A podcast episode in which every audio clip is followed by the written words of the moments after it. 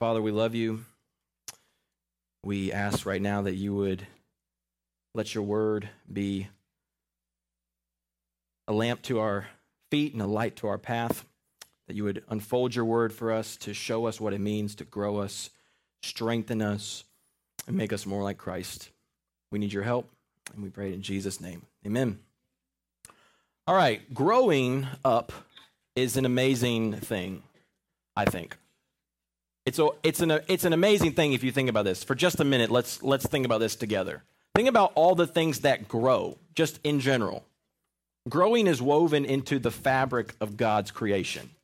All right? So you got plants grow, grass grows. Renee's excited because our grass is finally growing in our backyard. We don't have grass really. Massive oak trees grow, flowers grow, right? We got, let's think about this. We got dogs that grow. We got babies that grow into humans, to grow into humans, to grow into big humans, little humans to big humans. You'd be surprised. They don't act like humans when they're babies. Growing is an amazing thing. And even, even we as humans, we get taller. Think about this for a minute. Like even you as a teenager, when I came in, you were in sixth. When I came in, the ninth graders now, who raised, raise your hand for ninth grade? Okay, you were my first sixth grade class. All right, when I arrived, you were my first sixth grade class. Okay, and you, before my eyes, have grown taller. Okay? You've gotten maybe a little bit wiser, maybe not. All right? You've grown, your voice has changed some, right? And it's an amazing thing because when I see you week to week, I don't see you growing. Does that make sense? Like you don't look different to me week to week. But then when I look at a picture of you from two years ago, you look way smaller. Isn't that crazy how that happens? Because I can't see you growing in front of me. Like you don't go to the cafe, eat a Pop Tart, and then I see you grow half an inch. That's not how that works. So listen, but, but, from the last, let's say, two years, because you have eaten meals for two years and you've had nourishment go into your body, you are now taller, right? You're bigger than you were two years ago. And growth happens before our eyes, but we don't actually see it, but it's happening. And the same thing is true about our growth in Christ, about how we grow up to become like Jesus. We don't just grow physically, we grow spiritually. And oftentimes we don't see the growth happening day by day. But when we look back two, three, four years ago, hopefully we can look back and go, wow, I've really grown. Like God has really grown me and changed me and made me look more like Christ. And if you would be able to look back and say, I don't, I don't really see much growth in my life spiritually. Well, today is going to help us figure out and solve where the source of our growth comes from. Okay, our growth in Christ is going to help us with this because one of the problems and one of our sinful tendencies as human beings is that we tend to put our source of growth, spiritual growth, in the wrong sources. All right? Whether it be yourself, trying to help yourself grow in Christ, all right, depending on your own strength and power. But one source we put our focus on to help us grow and we can depend on to make us grow is other people. Like you can depend, you fully rely only on a pastor or a teacher of God's word for your growth. And you don't rest on where growth actually comes from. Because while there are people in your life that will help you grow, they are actually not the source of your growth in Christ. And when you wrongfully put all your eggs in their basket to make you grow, there are actually some really bad repercussions. And we're going to look at that tonight because that's happening in the Corinthian church. All right, so 1 Corinthians uh, chapter 3, we're going to see this one central theme, and it's that all our growth as a Christ follower comes from God alone. All our growth as a Christ follower comes from God alone. So, you know, cat's out of the bag where growth in Christ comes from. All of it comes only from God alone. In our outline, we're going to be in verses 1 to 9 in chapter 3. Our outline is real simple two parts. Verses 1 to 4 don't depend on man for growth, man being anyone else but God. And then 5 to 9 is part 2 depend on God who gives the growth. So, pretty simple today. All right, let's look at verse 1. Let's read verse 1 to 9, chapter 3. If you're with me, say amen. All right, here we go. Verse 1 But I, brothers, could not address you as spiritual people, but as people of the flesh, as infants in Christ. I fed you with milk, not solid food, for you are not ready for it. And even now you're not ready, for you are still of the flesh. For while there is jealousy and strife among you, are you not of the flesh and behaving only in a human way? For when one says, I follow Paul, and another, I follow Apollos, we've seen that before, if you remember, if you were here a few weeks ago, chapter 1, verse 12. I follow Paul, I follow Apollos. Are you not being merely human? What then is Apollos? What is Paul? Servants through whom you believed, as the Lord assigned to each. I planted, Apollos watered, but God gave the growth. If you write in your Bibles, you should circle those four words but God gave the growth. So neither he who plants nor he who waters is anything, but only God who gives the growth. There it is again. He who plants and he who waters are one, and each will receive his wages according to his labor. For we are God's fellow workers, and you are God's field, God's building. So, right out of the gate, we're going to see this very first point in verses 1 to 4, and it is this don't depend on man for your growth. That's point one. Don't depend on man. That's anyone other than God for your growth. All right? So, little context here. It has been four years since Paul has visited and shared the gospel with the Corinthian people and led them to Jesus. Four years. Okay, so it's been a pretty significant amount of time. And he comes and he tells them and rebukes them that you're, you're infants in Christ. He comes and he says, Hey, you're actually baby Christians still. And it's been four years. And so this is kind of a hard rebuke for the Corinthian church to hear because they thought they were growing.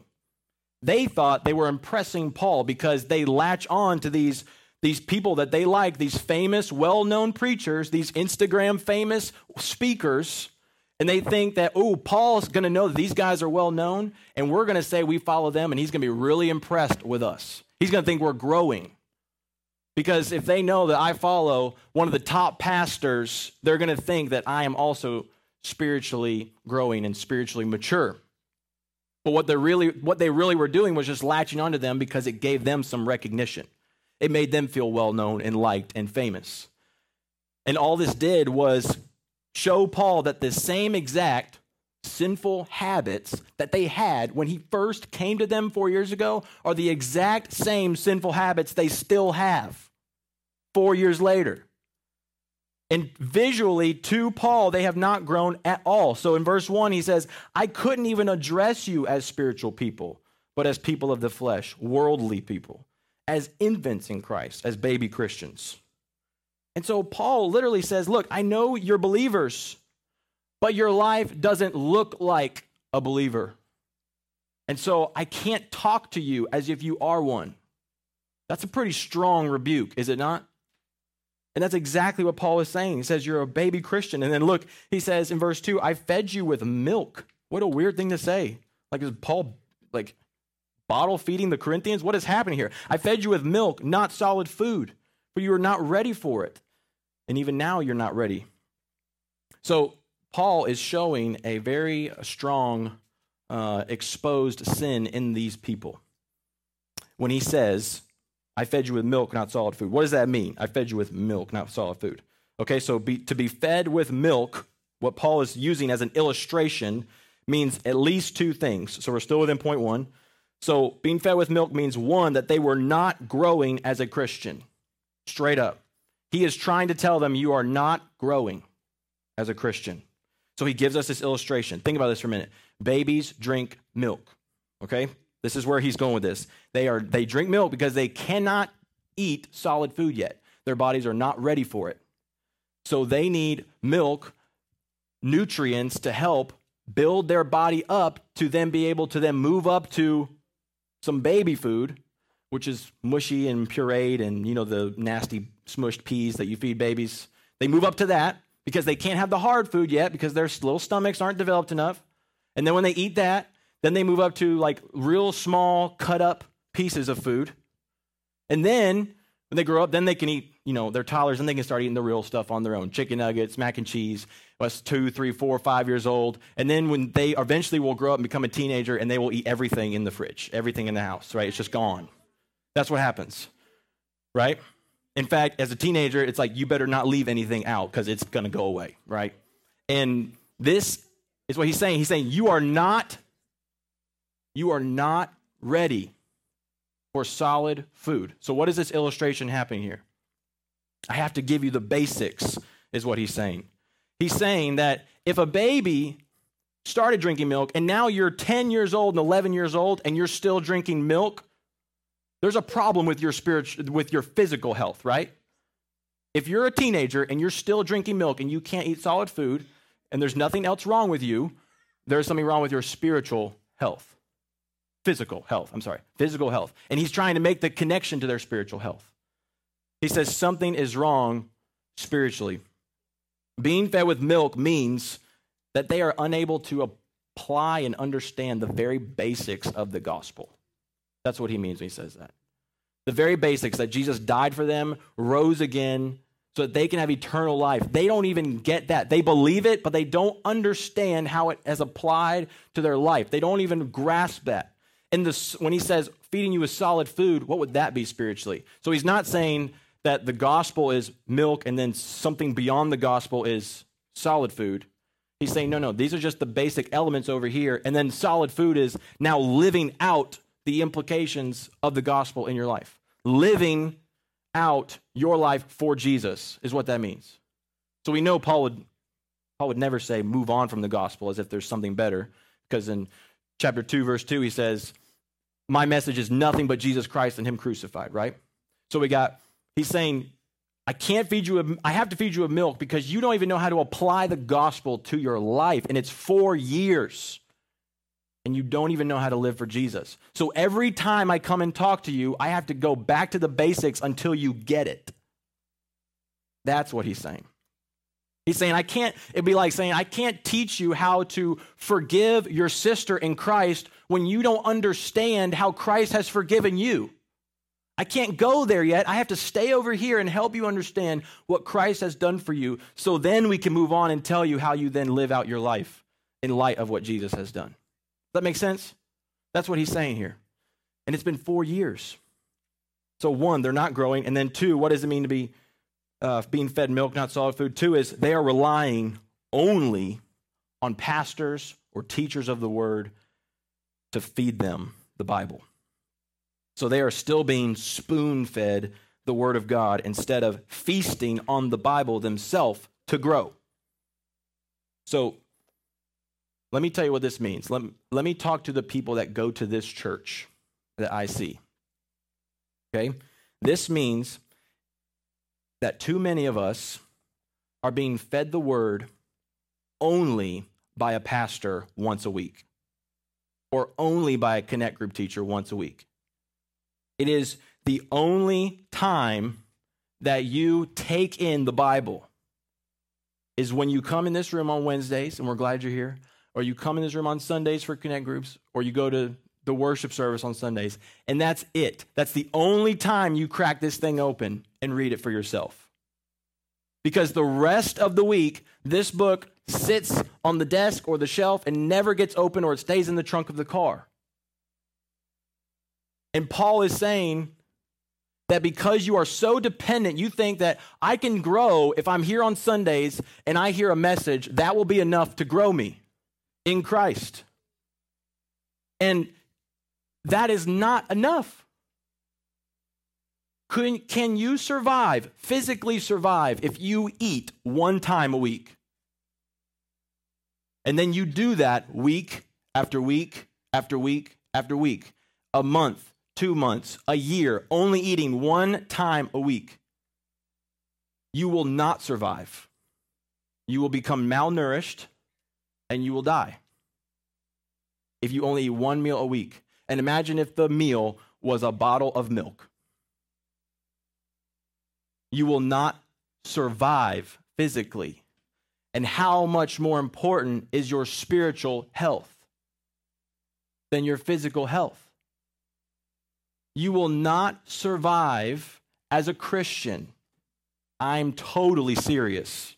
If you do not take this book in for yourself between Sundays Monday, Tuesday, Wednesday, Thursday, Friday, Saturday, Sunday. You will not make it.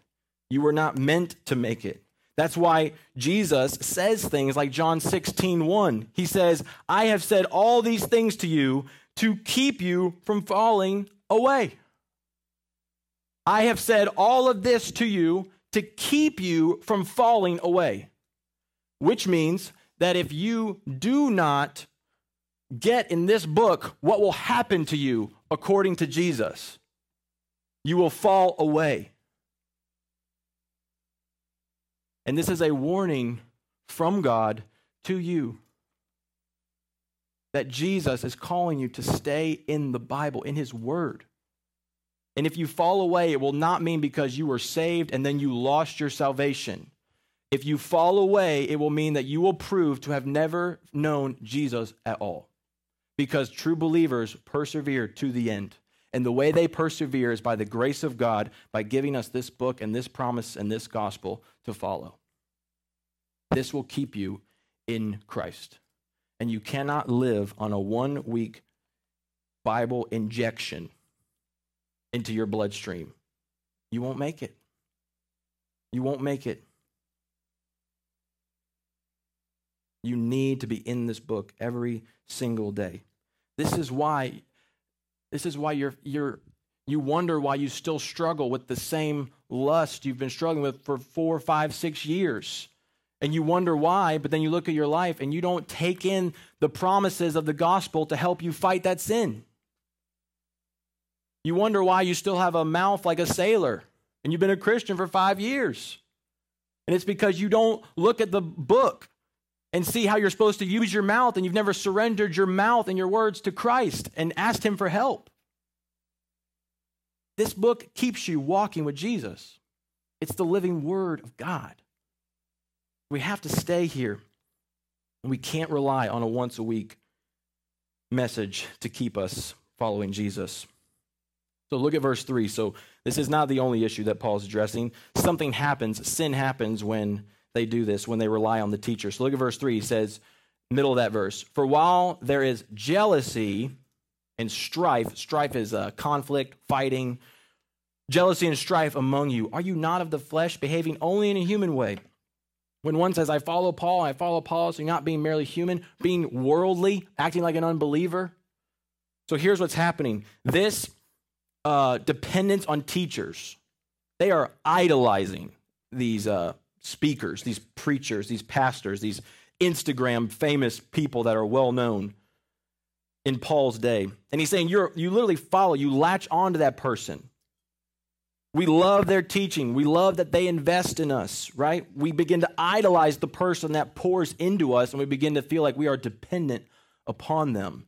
And what can happen practically among us teenagers is that if you begin to see a group that's growing in Christ because someone is leading them in discipleship, whether it's a connect group or whether it is your own friend group, you begin to look at that group and begin to get jealous that you are not growing like them, or you don't have someone pouring into you like they do, or someone with that kind of personality and is well known and well liked like they do. And so you begin to get jealous and unhappy.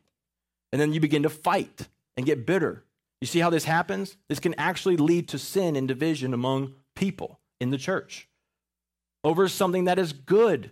It's good that we have people pour into us, it's good that we have people discipling us.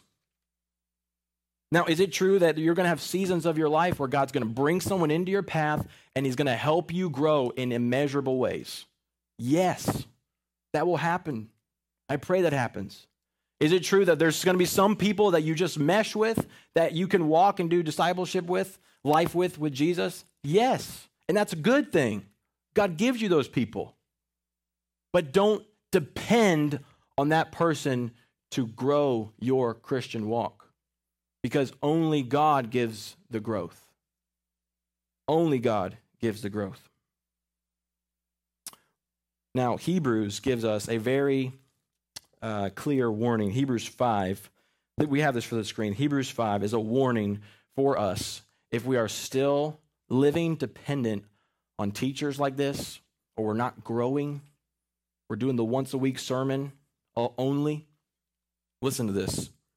Verse 12 in chapter 5 of Hebrews. For though by this time you ought to be teachers, you need someone to teach you again the basic principles of the oracles of God, of the Word of God.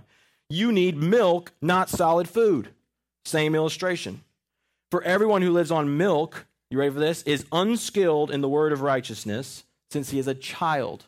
It's the same exact word as what Paul used when he said infant. Is a child, but solid food is for the mature, for those who have their powers of discernment trained by constant practice to distinguish good from evil. He's saying, look, by now, you guys ought to be teaching other people the Word of God. It's been years. You've been following Jesus for years. You should be teaching, but you still can't move on past understanding how the gospel applies to you. And so you're unable to teach others. It says you're unskilled in the word. You don't know how to walk through this book. You wouldn't know the first thing about talking to someone about this book and trying to help them, and it's because you rarely read it. And Paul says that we need to have constant practice, or the writer of Hebrews says we need to have constant practice being in the Word of God, because that's what the solid food of the mature is. Constant practice walking with Christ in His Word every day. Now, let me talk to the people in this church one more time. So, to those who have grown up in this church and you've been a Christian for a while, okay, you trusted in Jesus years ago. By now, you should be teaching others how to walk through the Word of God. You've been a Christian for years and you're only being spoon fed once a week still. Still. And you should be discipling, you should be helping other teenagers learn how to follow Christ. You should be doing it together, helping each other. But because we don't know how to read this book, because we're never in it, we wouldn't know how to even do that. We don't know how to help each other follow Christ. High schoolers, we prayed for you, right? You should be teaching others what it looks like to be a Christian, what it looks like to be in the Word of God, what it looks like to pray, what it looks like to live as a Christian at school, on your team, wherever you are. You need to be teaching others by now if you've been a Christian. But listen, don't get discouraged, okay? There is always hope. Always. If that describes you, run to Jesus and run to him as fast as you can. Fall at his feet before him, before your faith shrivels and dries up. Don't go anywhere else, but go to Jesus. Heed this warning as a warning from God to you to run to Jesus. Jesus is waiting for you to come to him to heal your wounds, to heal where you've struggled to grow, to heal where you haven't been discipling and helping others, where you've just been depending on the one week sermon. Jesus longs for you to come to him, and he will be ready to give you strength, to give you grace, to give you forgiveness, to give you a clear conscience. What a great gift a clear conscience is. And let's sit with Christ every day and feast on his word. Jesus is the bread of life, he's called, John 6 35. He satisfies us. But you'll never know that just by me telling you that. I can tell it to you till you're blue. You will never know unless you sit with him and see how he satisfies you. So run to him. So we can't depend on man for growth. So, where do we depend? We depend, number two, on God who gives the growth. Point two, depend on God who gives the growth. Verse five. So he says, What then is Apollos in verse five? What then is Apollos? What is, P, what is Paul? Servants by whom you believed, through whom you believed. So what is did you notice he did not say who is Paul? Who is Apollos? He said what is Apollos? Like what do you mean what? He's a human. What is Apollos? He's he's trying to say, look, these guys, they're just servants. They're not anything special. They don't need to be idolized. They can't make you grow. They have no power to save you. They have no power to change you. They're just servants. In verse 7, it says, they're not anything. They're just servants. And then he says in verse 6, he says, I planted and Apollos watered, but God gave the growth. So, two illustrations built into this. So he says, I planted. So we have a farming illustration, and I watered. So planting, is, I mean, uh, scattering seed, planting seed is kind of a thing we say as Christians, right? Plant a seed. And here's what, here's what we mean by that. It's a farming picture. So you can picture a farming uh, farmer going out to his uh, garden or his field and he has the soil tilled and he goes and he starts scattering seed and planting seed. And then he comes behind that and then waters the seed. All right, and he can only do that at certain times of the day. And that's all he can do. The, can the farmer make the plant grow? No. He can't make the corn grow. He can't make his strawberry plants get any bigger. He can only plant the seed and water it, and all the rest of the time, while he's not doing anything, the plant is growing. While he's not doing anything, that's when the plant is growing. And so Paul says, look, when we teach people the Word of God, all we do is share the gospel with them. We come behind them and reiterate those truths. We teach people how to pray, teach people how to read their Bibles, we teach people how to walk in obedience, how to pursue holiness. But we can't make anybody grow. Only God gives the growth. Only God gives the growth. So, when in that moment, when someone is preaching to you, for instance, like like right now, if someone is preaching to you on a Sunday morning or right now, we can only scatter seed on your, your hearts. And only God can make it grow. Only God can take that seed and grow it into a, a beautiful flower. Only God can take that seed and turn it into a giant apple tree with rich fruit for Christ. Only God can do that. And one of the hardest parts, let me be honest with you, one of the hardest parts about being a pastor is that I can't make seeds grow. I can't make you love this book. I can't make you love Jesus. I can't make you walk in obedience. I can't make you do that.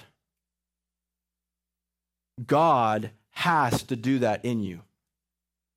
God has to change you. I can scatter the seed. I can be faithful to preach. I can be faithful to disciple. Your connect group teachers can be faithful to pour into you on Sundays. But they can't make you live it out. They can't make you want Jesus. And it's heartbreaking and sad when we see people not getting it. And I'm not just talking about you, there are lots of adults where it's heartbreaking. And it's heartbreaking to see people not grow, but at the same time, it's freeing because we know it's not on us. It's not on you. When you share the gospel with someone, it's not on you to make them grow. Only God can do that. So it actually frees you. It frees you to share and know that it's up to God. If they respond, it'll be God's grace in their life. And so we scatter and we seed and we plant and we share the gospel. But we can only just be faithful. That's all we can do. Because only God can give the growth. And here's how it happens when someone hears the word, when you hear gospel truth, or even if you're a Christian, you hear the word of God and it takes hold of you, it's because God has gotten a hold of you and it begins to change your heart. And you hear that word and it begins to change you and transform you, and you begin to want to pray. You begin to want to be in this word every day. You begin to turn your eyes from the inappropriate movie or the inappropriate video on YouTube. You begin to change what goes in your earbuds. You begin to change the words that come out of your mouth to build up and not tear down. You begin to want to serve the church. You begin to love the fellowship of your brothers and sisters in Christ. You begin to forgive one another as Jesus has forgiven you. Your eyes begin to be open to the needs of others. You begin to move towards the lonely person who's sitting by themselves because Jesus changes you. only God gives the growth. Only God gives the growth. So that means if you start growing and you look back two years and two years from now and you look back at now and you say, man, wow, I've really done some work. I've really uh, impressed myself with how I managed to grow myself. Some done some self improvement, some self help tips really worked. You can't do that. You didn't grow yourself. God gives the growth. There's an amazing verse in Philippians 2 12 and 13. It will not be on your screen. It says, Work out your salvation with fear and trembling, for it's God who works in you to will and to work for his good pleasure. Work out, not work for your salvation, work out your salvation with fear and trembling because it's God working in you to do that. That's incredible. God works in and we work out. And all of this is from God. All of this is from God. 2 Corinthians 3:18, one of my favorite verses in the Bible, shows us how growth happens. It says, "And we all with unveiled face, we can see beholding the glory of the Lord, are being transformed into the same image from one degree of glory to another. For this comes from the Lord who is the Spirit. So we look at Christ in his word. We behold him, means we stare at him. We look at him in his word and we begin to see what he's done for us. We see how his sinless life was lived in our place because we could never be obedient. We see how he died the death for us on the cross to pay the punishment for God's wrath on you. All of God's wrath poured out on Jesus so you don't go to hell. And I can talk about that because Jesus does. So don't get scared. And Jesus dies in your place on the cross. And then he rises from the dead so you can be alive and be adopted into the family of God through faith and trust in Jesus alone. And when you stare at Christ and what he's done for you, and you see how he's loved you and he's been compassionate on you, that even now, as a Christian, the sins that you committed today, think about them for just a minute. How did you blow it today? Jesus has covered that on the cross. And you are not going to die eternally for it. That should change you. That should change you. And when you see how much God has loved you, how much He cares about you, how much He is for you, it should change you and it should give you growth in Christ. Because God loves us so much and we're all sinners and we all need this news. And if you do not know Jesus and you're not a follower of Jesus in here, number one, we're always glad that you are here. Always ask questions, please, but just know that right now the, the seed of the gospel is going out to you and you can receive Jesus. You just call on Jesus in faith. You trust him. You say, What you have done is the only thing that can save me, Jesus. I'm in. And Jesus says, You are saved and you are sealed for eternity. And you get God as your father. And you get a family of brothers and sisters in Christ. Come to Jesus today if you don't know him. All right, let's move along here. Verse 7. We will finish on time, I promise. Verse 7. Neither he who plants nor he who waters is anything or nothing, but only God who gives the growth. So what he's saying is, is that when we don't when, when we understand where our growth comes from, that growth comes only from the Lord, it helps us rightly view our relationship with the people that invest in us. We don't have to idolize them anymore. We can keep them in their right perspective. We can see them as just servants who deliver the good news of Jesus to you. And you don't have to depend on them, you don't have to worship them, but you can praise God for them. And you can praise God for the people he brings into other people's life because they're just servants, they're not anything special. God is using them all the same. You are responsible for walking and following Jesus. And these men or women help us. And so we can praise God for them. And then in verse 8, it says, He who uh, plants and he who waters are one. Each will receive his wages according to his labor. For when it says we are one, what he's talking about is Paul and Apollos are on the same team. So they're, neither one is better. They have different styles, different personalities, but they're not better. They're pursuing the same mission. And God uses both of them to pour into these people so that they'll grow. And a thousand other people to pour into these Christians so that they'll grow.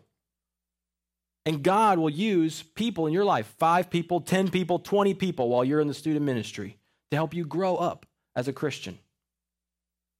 And we need to praise God for that. And then in your lifetime, God will use 100 people to grow you as a Christian. And we need to praise God for that. And they all have the same mission. God uses them to mature you to be like Jesus. They're just a servant. And God will use you, hopefully, to pour into someone, to make someone else more like Jesus. And when that happens, don't get prideful. Remember, you're not anything, you're just a servant. Only God gives the growth. And then he gives us this cool um, illustration here when he says, You are God's field. We are, sorry, for we are God's fellow workers. You are God's field, God's building. It gives us two quick illustrations to show us that we don't just grow as individuals, but we grow together as a church. Okay, we're not lone rangers, we grow together as a church. And he says, You're God's field. So we're not just we're not just a bunch of scattered corn stalks in a field, all isolated. We're a giant cornfield, okay? Think about corn. That's the church. A massive cornfield. Every time you drive by one, think about that being the church. God wants to grow all of us together. All right? Or think about, he says, God's building. So we're not just a bunch of bricks scattered around a, a parking lot. We're gro- we are built on top of each other to build a cathedral. That's the church. We grow together. So as we each follow Jesus, Individually, we are growing together. We can love each other. We can help each other. Pray for one another. All to the glory of God. This is good news for us. So, I want to kind of wrap this up with a couple final applications. Okay? From what we've just heard, how can you now leave here and use this? This will be some review as well. So, four, four applications. You Ready? Meet with Christ daily in his word. What should you do from here? Meet with Christ daily in His Word. This is your daily meal. You can't have one meal a week. This is your meal. Meet with Christ every day. So that means do whatever it takes. Make a space in your house for you and God. Build a fort in your closet. I don't know. Go out to the woods. Do whatever you have to do. And we're talking 15, 20 minutes. Take your Bible and make it a priority. Whether it's early in the morning before school, a little bit earlier, 15, 20 minutes, and you got to maybe grab a Coke, wake you up, grab a Coke and your Bible, 15 minutes. Maybe it's late at night, before you go to bed, grab a Pop Tart, 15 minutes, get in the Word. Whatever you got to do, do it. Maybe it's lunch break, maybe it's a study break break off a piece of your day and make it a priority because you know what? You will always prioritize in the day what is most important to you. Think about what you love to do. You will make time for it. And God's word is more important than anything you could do. Next, find someone to disciple you, to help you follow Jesus. Find someone. So God uses other people to help you grow and you need to find someone who can help you grow to be like Jesus and ask them if they will just help you. We have a little white discipling guides in the, on the little rack out there. Grab one of those and ask someone to help you follow Jesus. That's why we made them, so you guys can help each other. So find someone to disciple you. Older Christians, third, older Christians, you've been a Christian for a while, you need to start teaching. And I don't mean a connect group teacher, I mean you need to start helping others you need to teach someone younger than you, or maybe a year or two behind you, and you need to start helping them follow Jesus. You need to start growing yourself. God gives the growth. I mean, you start reading this book, being in it, and then you need to start pouring your life into someone else in this room or maybe at school. You need to be a teacher of the Word of God. You need to be growing in Christ. And then lastly, fourth, we need to plant seeds. So we had that uh, verse 6 I planted, We need to plant gospel seeds. So, this is for us as an application to share the gospel. We need to take this and know that God gives the growth, and may that motivate you to go share the gospel with your friends, with your family, with your neighbors, with anyone in your life. Share the gospel. Share the simple message. Are you ready? This is the simple message of the gospel. This is what you can say. The simple message that Jesus died a sinless, perfect, obedient life in their place. He died on the cross to take away their sin in their place. Then he rose again to defeat death in their place. You seeing a theme here? In their place, so that they could have life eternal with God as their Father. And if they will repent of their sin and believe on Jesus, use those words, repent of their sin and believe on Jesus, they will be saved.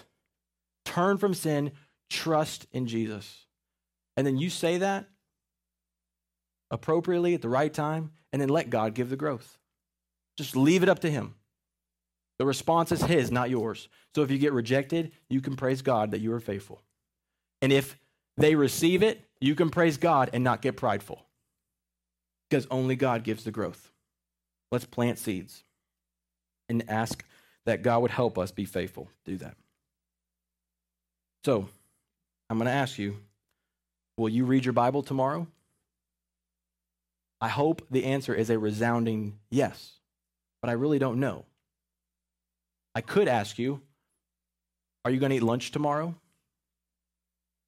It's obviously, probably, yes. You're probably going to eat one of the three meals tomorrow. And isn't your spiritual health more important than your physical health? Isn't spiritual food for your soul, the bread of life, the living water more important than real bread and real water.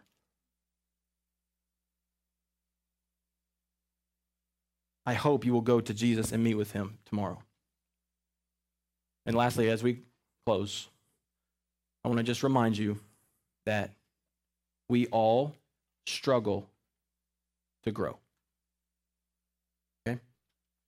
No one is perfectly obedient. We all fall every day, over and over and over again, at obedience. And no one can grow perfectly. But there is one person who grew in obedience perfectly as fully God and fully man, and it was Jesus Christ. And Ephesians, uh, uh, Hebrews 5, 8, and 9 says that Jesus learned obedience by what he suffered. He perfectly grew in submission to the Father by suffering and never sinning, by being tempted and always resisting and never sinning. And he did it all the way to the cross, perfectly for you. Which means as an unbeliever, you can come to him in faith and he will save you. And as a believer, which is most of us, you can come running back to him and he is ready to embrace you and forgive you and wrap his arms around you because he loves you so much and he will help you. He waits for you to come to him. Will you turn to Jesus who gives you hope, believer and unbeliever? Turn to Jesus and he will give you the growth. Let's pray. Father, thank you for your love and your kindness and your grace. Thank you that you give the growth to our spiritual walk, to our life with you, to our walk with Christ. I pray for these students in here that you would give them a heart, open their hearts to you to receive the word of God and be saved if they don't know you. To all the rest of us who know you, that they would walk with you every day, that they would go to you, the only one who can grow them as a follower of Jesus. And may you help us grow to love you and serve you and obey you and love one another and love this church. God, help us in all the ways where we struggle. Thank you for grace. Thank you for forgiveness. Thank you for even now picking us up and never walking away from us when we fall short. You are always there to pick us up. We love you in Jesus' name. Amen. Feel free to